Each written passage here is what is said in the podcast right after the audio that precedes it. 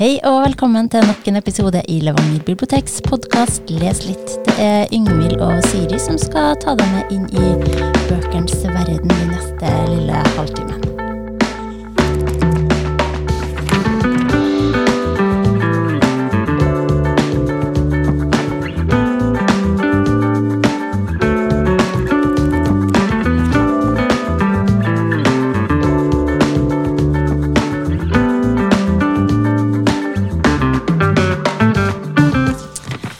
Ja, og i dag skal vi eh, ta for oss litteratur som handler om såkalt white trash, eller hillbillier. Eh, det vil si fattige, i hovedsak hvite amerikanske arbeiderklassefolk, eh, som har fått denne betegnelsen. Og det finnes en del litteratur på det området også, som tar for seg akkurat livene til de som kalles for det her, da. Ja, det er ikke akkurat det lystigste temaet. Men uh, fall jeg har bestandig vært veldig fascinert av denne tematikken. Og det har jo vært litt ekstra belyst de siste årene etter Trump kom til makta i USA. Godt hjulpet av, av disse folkene. Nå er jo heldigvis Trump bort, men det viser jo at det er en gruppe som har ganske stor innflytelse. Ja, og white trash og hillbillier er ikke nøyaktig det samme nødvendigvis, men at de har en del felles trekk, kanskje. Ja, det går litt over i hverandre, egentlig. Hillbilly hillbilly jo, refererer jo ofte folk som bor i de landlige fjellområdene i Virginia, Kentucky, Tennessee. Eh, området som kalles Appalachia. Området som er kjent for kullproduksjon, eh, men òg store miljøødeleggelser og ei pågående opioidkrise. Eh, som har eh, gjort at det er folk som sliter på mange områder. Ja, mange har kanskje sett serien til Thomas Seltzer på NRK, som belyste denne problematikken veldig tydelig. At uh, mm. legemiddelfirmaene tjener seg rike på at folk misbruker eh, medisiner. Og ja. Mm. Og det er jo ofte arbeidsløse folk som ikke Ja, de har ikke så mye å fylle, fylle dagene med. Mens uh, white trash, det er jo, er jo kanskje litt sånn videre betegnelse. Mm. Uh, white trash er kanskje mer en større gruppe, altså at det innebefatter fattige hvite amerikanere i arbeiderklassen, eller lenger ned på rangstigen også, som ikke bare befinner seg i det området eh, du nevnte i stad, men også litt mer utover i hele USA, og kanskje sørstatene er også ganske kjent for, for bli, at folk blir kalt for det der, da. Mm. Folk som bor i bobilparker og stemmer Trump og er skeptisk mot uh, vaksiner og tror dommedag kommer. Det er, sånn, det er jo litt sånn stereotypisk bilde av dem, selvfølgelig. Mm, det er jo det. Det er jo eh, mye problemer med fattigdom, alkohol og stoffmisbruk, kriminalitet, sånne ting. Mm. Og det kan man skrive bøker om. Ja, det kan man skrive mange gode bøker om.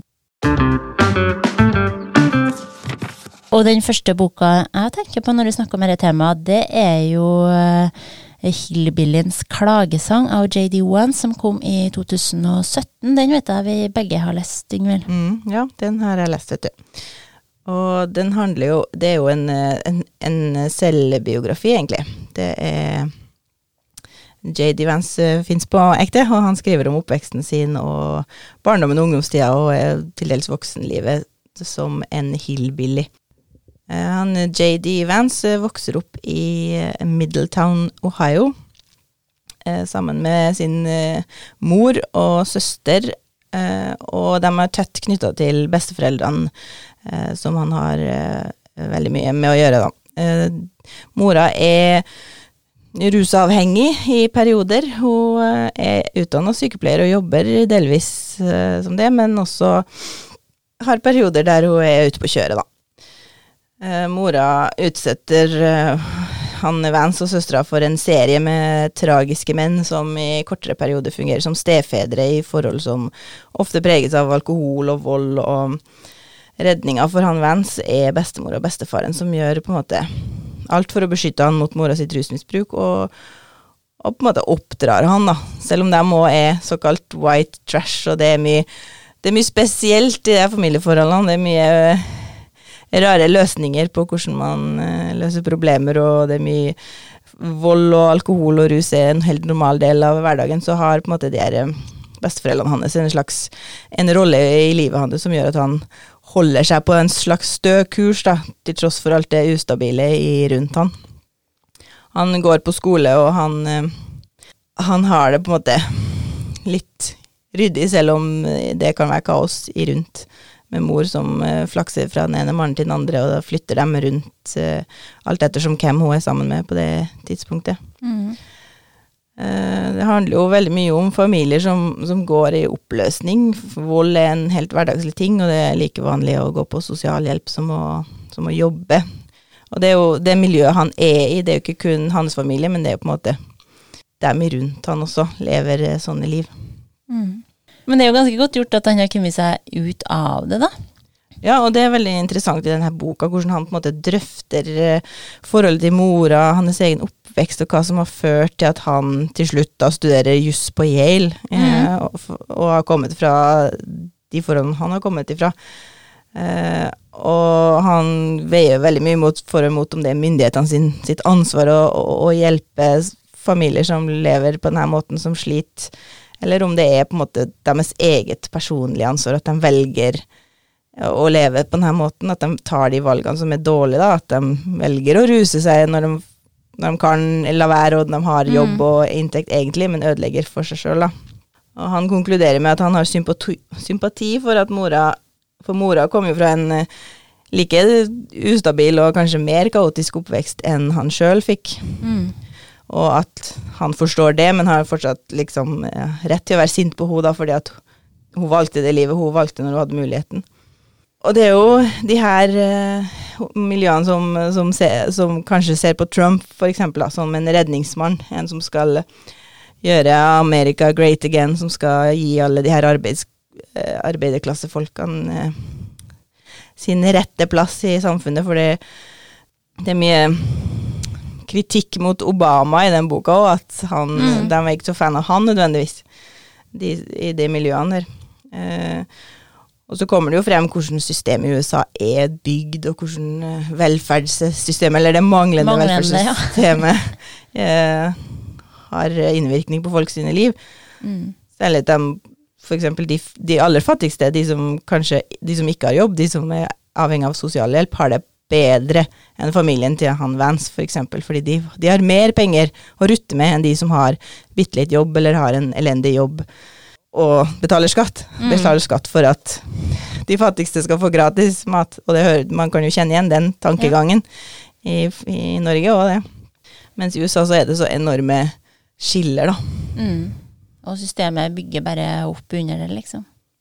Men et uttrykk jeg syns var litt sånn interessant, han, eh, han eh, nevnte jo her med lært hjelpeløshet. Mm. Det hadde ikke jeg tenkt over før, men, men han skildrer jo liksom den apatien og manglende tilliten som er, er blant dem. Da. De, de, de, gir jo andre skylda for alt som er galt. Det er jo liksom ja. Og de de har ikke noe tiltro til myndighetene, at de kan hjelpe dem, at de kan ordne opp. Sånn at uh, de skylder liksom på alt annet enn seg sjøl for, uh, for, alt det fæle. Det har man litt fellestrekk med Donald Trump. Han er ja. jo en fan av å skylde på alle andre enn mm seg sjøl. Så det kan jo være litt der. Og det, det er jo interessant, fordi at hillbillier på en måte har vært det i flere generasjoner før Vance også, at familien hans har hatt den her statusen i samfunnet i generasjoner, og at det er på en måte en innebygd kultur. Og, og det er vanskelig å på en måte forlate den, da. At mm. blir, det blir internalisert, egentlig, den Det er bare sånn det er. Det er jo virkeligheten mm. deres. Som sagt, han Vance, han blir jo Han klarer seg jo. Han øh, kommer seg på høyere utdannelse og blir, eh, studerer juss. Og da er han jo en ganske i særstilling, da. Mm. Og det som jeg syns var mest interessant med boka, er jo hvordan han som sagt drøfter alle de her eh, årsakene til at ting er som de er. Så jeg tenkte jeg skulle lese en liten del av boka. Og da skriver han om eh, hvorfor eh, det blir som det blir for noen, og hvorfor det ikke blir sånn for alle. Jeg tror egentlig ikke det finnes løsninger. En god venn som jobbet i Det hvite hus en stund, og er sterkt opptatt av arbeiderklassens problemer, sa en gang den beste måten å se dette på, er kanskje å forstå at det er umulig å rette opp i disse problemene. De kommer alltid til å være der, men kanskje du kan legge tommelen på vektskåla litt for de som er i randsonene. Mange tomler ble lagt på min vektskål. Når jeg ser tilbake på livet mitt, er det påfallende hvor mange variabler som måtte falle på plass for at jeg skulle få en sjanse. Det var den konstante nærværet av besteforeldrene mine, selv når moren og stefaren min flyttet langt av gårde i et forsøk på å stenge dem ute. På tross av strømmen av liksomfedre var jeg ofte omgitt av omsorgsfulle og snille menn. Selv med alle sine feil vakte mamma en livslang kjærlighet i meg til utdanning og læring. Søsteren min beskyttet meg alltid, til og med etter at jeg vokste meg fysisk større enn henne. Dan og tante Vi åpnet hjemmet sitt da jeg ikke torde å spørre. Lenge før dette var de mine første virkelige forbilder på kjærlighet og godt ekteskap. Så var det lærere, fjerne slektninger og venner. Om noen av disse menneskene ble fjernet fra regnestykket, ville jeg trolig ha vært fortapt. Så det summerer på en måte opp hvor eh, lite som skal til for at det skal gå den ene eller den andre veien, da. og hvor uh, prisgitt man er oppveksten sin eller omgivelsene, eller bare den ene personen som gjør en forskjell mm.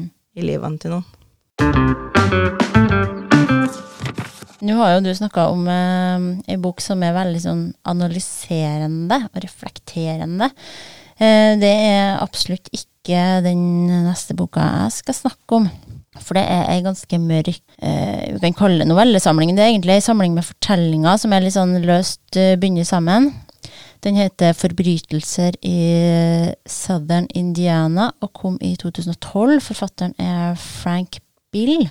Her er debuten hans han eh, jobba nattskift på en malingsfabrikk når han eh, skrev denne boka.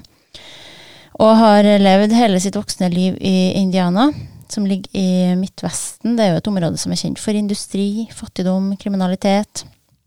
Og det er den virkeligheten han kjenner til, og det er det han skriver om. Eh, jeg kan tenkte jeg skulle lese det som står bakpå boka, så får dere et lite inntrykk. Velkommen til White Trash America, der hjemmebrenten er erstattet av metamfetamin, country and western av hiphop, og der veteranene kommer rett hjem fra Afghanistan. Vi beveger oss i en verden der fagorganisert arbeid og familiegårder er en saga blått. Nå preges hverdagen av væpna narkobander i skauen og evige klanfeider. Her er det ganske rå fortellinger. Det er vold, drap, narkotika. Det er pumphagler, biler og øl. Eh, det går hardt for seg. Og eh, under alt dette da, så ligger det en ganske sånn skarp samfunnskritikk. Eh, det er fortellinger om mennesker som har blitt til overs. De har blitt fratatt muligheten som deres forfedre hadde. De er, de er liksom ikke ønska i et moderne USA. De lever under fattigdomsgrensa. Og rusen gir dem en pause fra hverdagen, samtidig som den òg fører til en skyhøy kriminalitet. Eh, man blir nesten litt sånn uvel av å lese dem. Så, så det er jo en bok som virkelig, virkelig setter seg, da. Mm. Eh, det er noen år siden jeg leste den uh, nå, men, men, det er en sånn bok som jeg ofte tenker på. Det er noen øyeblikk, det er noen bilder i denne boka som, som fortsatt uh, sitter uh, ganske langt fram. Mm. Eh, og som jeg sa, da, her er ei bok som ikke reflekterer eller analyserer noe som helst. Her er det Forfatteren her viser rett og slett bare hvordan, det er. Her er den harde virkeligheten. Er det i det hele tatt noen lyspunkter i denne boka? Nei, det er egentlig ikke det. Ingen lyspunkter? Nei. Den er bekmørk, ja. rett og slett. Men det er jo viktig, det òg. Det er jo som du sier, en skarp samfunnskritikk, og de har Det er mye å sette kritiske fingre på, holdt jeg på å si. For oss som kommer fra, fra, fra Velferds-Norge, så er det i hvert fall mm. mange spørsmålstegn å stille ved hvordan man velger å løse, løse samfunnet sitt, da. Ja, og i USA så har de jo på en måte eh, det å høre amerikanske drømmen om at eh, man kan jobbe seg opp og fram, og alle har rike muligheter. Mm. Men men de har jo ikke det. Og, og de som eh, vokser opp nå, har jo ikke de samme mulighetene som forfedrene hadde. For at eh, de er faktisk stuck i, i situasjonen. Eier du et hus på en helt uh, forferdelig plass, uh, indre Kentucky, så du får jo ikke solgt det huset. Du, du, kommer deg ingen plass. Så, så det, er en, det, er jo rett og slett en håpløs uh, situasjon for veldig, veldig mange. Nå skal vi reise litt lenger sør i USA, til Florida, og Florida betegnes som en del av sørstatene. Og det er vel der den white trash-betegnelsen egentlig kommer ifra. Med sørstatsflagg og, og, og, folk som bor i bobilparker, og er på en måte et slags bilde jeg får inn i hodet mitt da når du sier eh, sørstatene og white trash. Eh, den boka som heter Sanger om våpen, som uh, handler litt om det her, er skrevet av Jennifer Clement. Jennifer Clement har tidligere utgitt en biografi, flere diktsamlinger og to romaner, før hun slo gjennom internasjonalt med romanen En bønn for de bortførte. Sanger om våpen kom ut på norsk i 2019. Mm, originaltittelen på boka er Gunlove, og det, det gir vel litt vekk tematikken eh, i denne boka, for er mye, her er det mye våpen, rusmisbruk og fattigdom som er tematikken. En uh, ny, lystig fortelling, med andre ord. Uh, denne boka er jo fiksjon, men sannsynligvis er den ikke så særlig langt fra virkeligheten for ganske mange.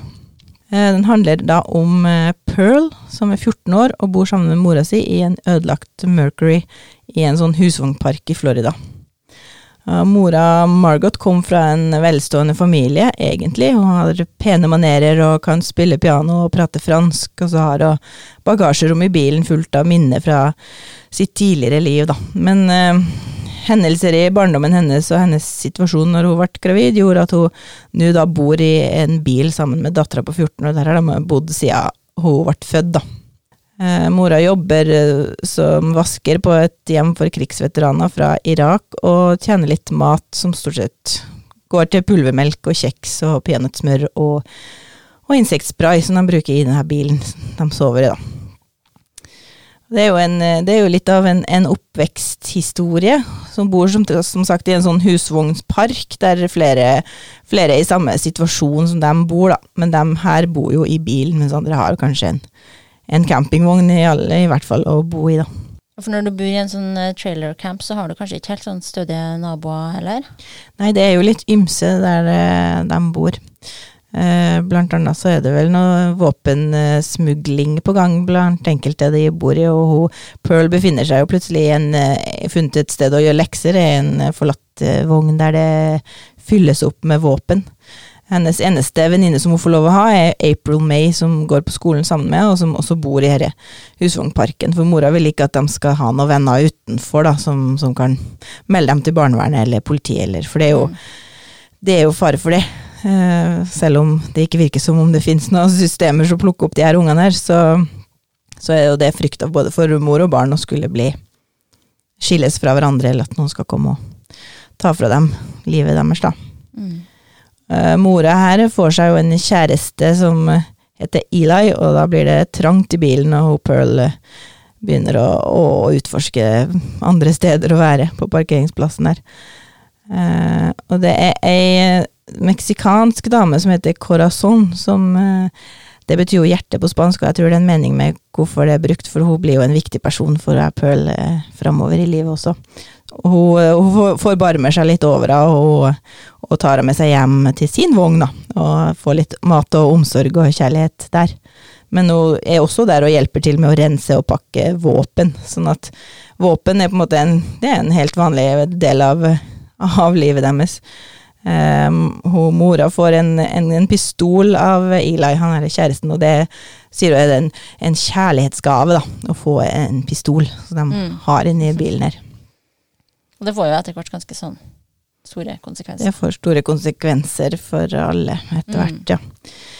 Det er jo en uh, uten å, Man kan ikke si så mye mer uten å avsløre mer av handlinga, men uh, en veldig brutal og, og, sterk historie, men samtidig så er jo hun, hun Pearl er en sånn ressurssterk jente som En sånt løvetannsbarn, da, som, som har tøffe oppvekstvilkår og kanskje har mange utfordringer, men likevel har på en måte en slags styrke i seg som gjør at hun klarer seg gjennom de her situasjonene. Da, og har jo et veldig godt forhold til mora si og er veldig nær henne. Da. Mm. Og de, hun lærer jo veldig mye mye bra og lurt, for som sagt, mora er, kommer fra et ressurssterkt hjem, egentlig, og hadde en slags ballast med seg, men, men som hun på en måte lærer hun videre.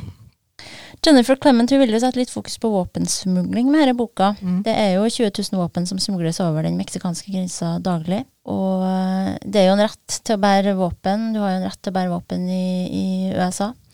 Og Mexico er jo et av de landene som blir skadelidende da, eh, av dette. Og uh, hun vil ha litt sånn fokus på hvor mye nød uh, det fører med seg, da det blir jo en sånn nedadgående spiral med mer vold, flere drap, mer sorg, mer sinne, mer våpen, og så, ja, mm. og så videre og så videre. Ja. Til slutt så har du jo med deg en bok, Siri, som var veldig mye utlånt en periode, den eh, 2019. Mm. Den kom ut i 2018 i USA og i 19 her i Norge. Heter 'Noe tapt og noe vunnet' av Tara Westover. Eh, ei bok som gjorde dypt inntrykk på meg. Kan jo kanskje sammenlignes litt med Hillbilliens klagesang, for det er òg eh, en sjølbiografi. Tara ble født i 1986 i Clifton i Idaho. Eh, Tippoldemora hennes var fra Norge.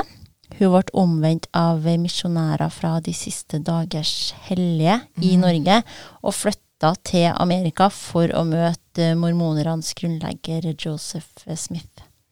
Så det religiøse aspektet er jo ganske viktig her i boka. Så, og Tara hun vokste opp i en uh, strengt religiøs uh, mormonerfamilie, yngst i en søskenflokk på sju. Men som 17-åring så kommer hun på universitetet og flytter hjemmefra. Og nå så har hun en doktorgrad og bor i New York. Uh, så det er jo snakk om ei klassereise her, da, og, mm. og fullstendig bryte med det miljøet og den kulturen du, du kommer fra. Men som sagt, det er jo ei oppveksthistorie. Eh, foreldrene de er mørkereligiøse. Faren styrer familien med hard hånd. De er sjølforsynt, eh, for de tror jo på, på dommedag, at dommedag er, er nær. De får ikke gå på skolen, de får ikke gå til lege, de får ikke ta smertestillende engang. Eh, de har ingen kontakt med det offentlige, for staten er jo fienden. Og faren han jobber med skrapmetall, sorterer skrapmetall. Så det er liksom arbeidsplassen til, til ungene òg, da.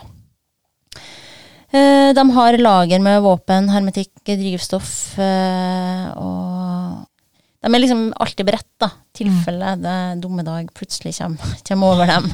Og jeg eh, tenkte jeg skulle lese et lite avsnitt fra boka ifra Tara, da, som er Hun er jo bare ungen som må jobbe med dette skrapmetallet. Jeg husker den første morgenen jeg gikk inn på skraptomta som del av fars mannskap. Det var is på bakken, selv luften føltes skarp. Vi var på tomta over det nedre beitet som var dekket av hundrevis av biler. Noen var gamle og slitte, men de fleste var vraket, og det syntes. Bøyde, forvridde, de fremsto som sammenkrøllet papir, ikke stål. Midt på tomta var det et hav av deler, stort og dypt. Lekkende bilbatterier, floker av isolert kobberkabel, forkastede girkasser, rustne blikkplater, eldgamle kraner, knuste radiatorer, lange stykker med skinnende messingrør, osv., osv. Det var en endeløs, en formløs masse. Pappa tok meg med til utkanten av den. Kan du forskjellen på aluminium og rustfritt stål? sa han. Jeg tror det. Kom hit. Han var vant til å diktere voksne menn. At han måtte forklare dette arbeidet for en ti år gamle jente, var litt ydmykende for oss begge. Han rykket ut en bit glitrende metall. Dette her er aluminium, sa han. Ser du åssen det skinner av det? Kjenner du hvor lett det er? Pappa la biten i hånda mi. Han hadde rett. Den var ikke så tung som den så ut til. Etterpå ga pappa meg et bulkete rør. Dette her er stål, sa han. Uh, og det er jo på en måte det dagene til disse ti år gamle vet, mm. går ut på. da. Ikke en jobb for uh, unger. Og hun beskriver jo at faren har en eh, sånn egen teknikk når han skal sortere hele metallet. Han bare hiver det i lufta uh, og satser på at det treffer en container. Og av og til så treffer det jo andre ting, som f.eks. Tara sjøl. Eh, så det er ikke noe sånn uh, Og når du da i tillegg vet at de får ikke smertestillende, de får mm. ikke oppsøkt lege, så er det jo ganske mye sånn uh, trasig som, eh, som skjer, da. Det er hardt. Ja, det er hardt. Men heldigvis, da, forteller jeg, det er jo som i Hillbilliens klagesang, det er jo en del tilfeldigheter som fører til at eh, du på en måte kommer deg på, på et litt sånn annet spor. Hun er jo en lærevillig unge, så til tross for manglende sko skolegang, så lærer hun seg å lese. Og hun trosser familien sin eh, ganske, ganske mange ganger og liksom tør å gå sine egne veier, sjøl om det får konsekvenser for henne. Jeg ble veldig nysgjerrig på denne familien når jeg har lest boka, for at den, de finnes jo. Mm, og det er jo ja. ikke så Altså, hun er jo på min alder, hun Tara, Mm. så, så det, de, de, de er jo der. Og hun har jo brukt pseudonymer på familien sin, men det var ikke så veldig vanskelig å søke opp dem på Facebook. Jeg gikk jo rett inn på Facebook og søkte opp hele familien og fant nettsider som foreldrene hennes driver. Nå har de en nettside som, eh, som heter Butterfly Miracles. Der de selger olja da, for alt mulig. For de driver jo med naturmedisin. Og Ja, ja. sant, når du ikke kan oppsøke en lege Mm. og ikke ta noe smertestillende, så olja kan brukes eh, til det meste. Da. Så de har egentlig big business med, med dette. Så, så det er jo Ja, det er en veldig spennende bok, og eh, helt sånn uvirkelig. Men eh, ja, utrolig at noen kan, kan leve sånn. Ja, det, det, det fascinerer meg med det amerikanske samfunnet at det er så mye som, det så mye som kan foregå uten at det, eh, uten at det er noe inngripen fra Mm. myndighetene før det på en måte er Det er ganske fritt For seint. Det er i fengsel du havner. Mm. Da er myndighetene flinke å gripe inn, men før i den tid så, så er det ikke så greit. Og det er kanskje derfor, derfor det er så fascinerende tema òg, for Mm. at det er så fjernt fra vår virkelighet. eh, Og ja, noe sånt kunne ha gjort skjedd i, i Norge. Det var kanskje en litt eh, dyster eh, episode, men det er vel så viktig å, å, å lese bøker om, om sånne her samfunn, og lese om hvordan det er i andre deler av verden, for man får mye mer forståelse for f.eks. eksempel man kan forstå bedre valgkampen i USA ved Mm. å lese de her bøkene. da. Hvorfor det det, blir som jo- det blir. Og de er jo kjempegode bøker. Mm. Jeg har jo slukt dem. Det er jo Ja. Ja, Det er sjelden jeg leser en bok på to dager, men eh, Ja. jeg har gjort det. Takk for at du hører på podkasten vår. Du må gjerne abonnere på den. Da får du påminnelse når det kommer nye episoder.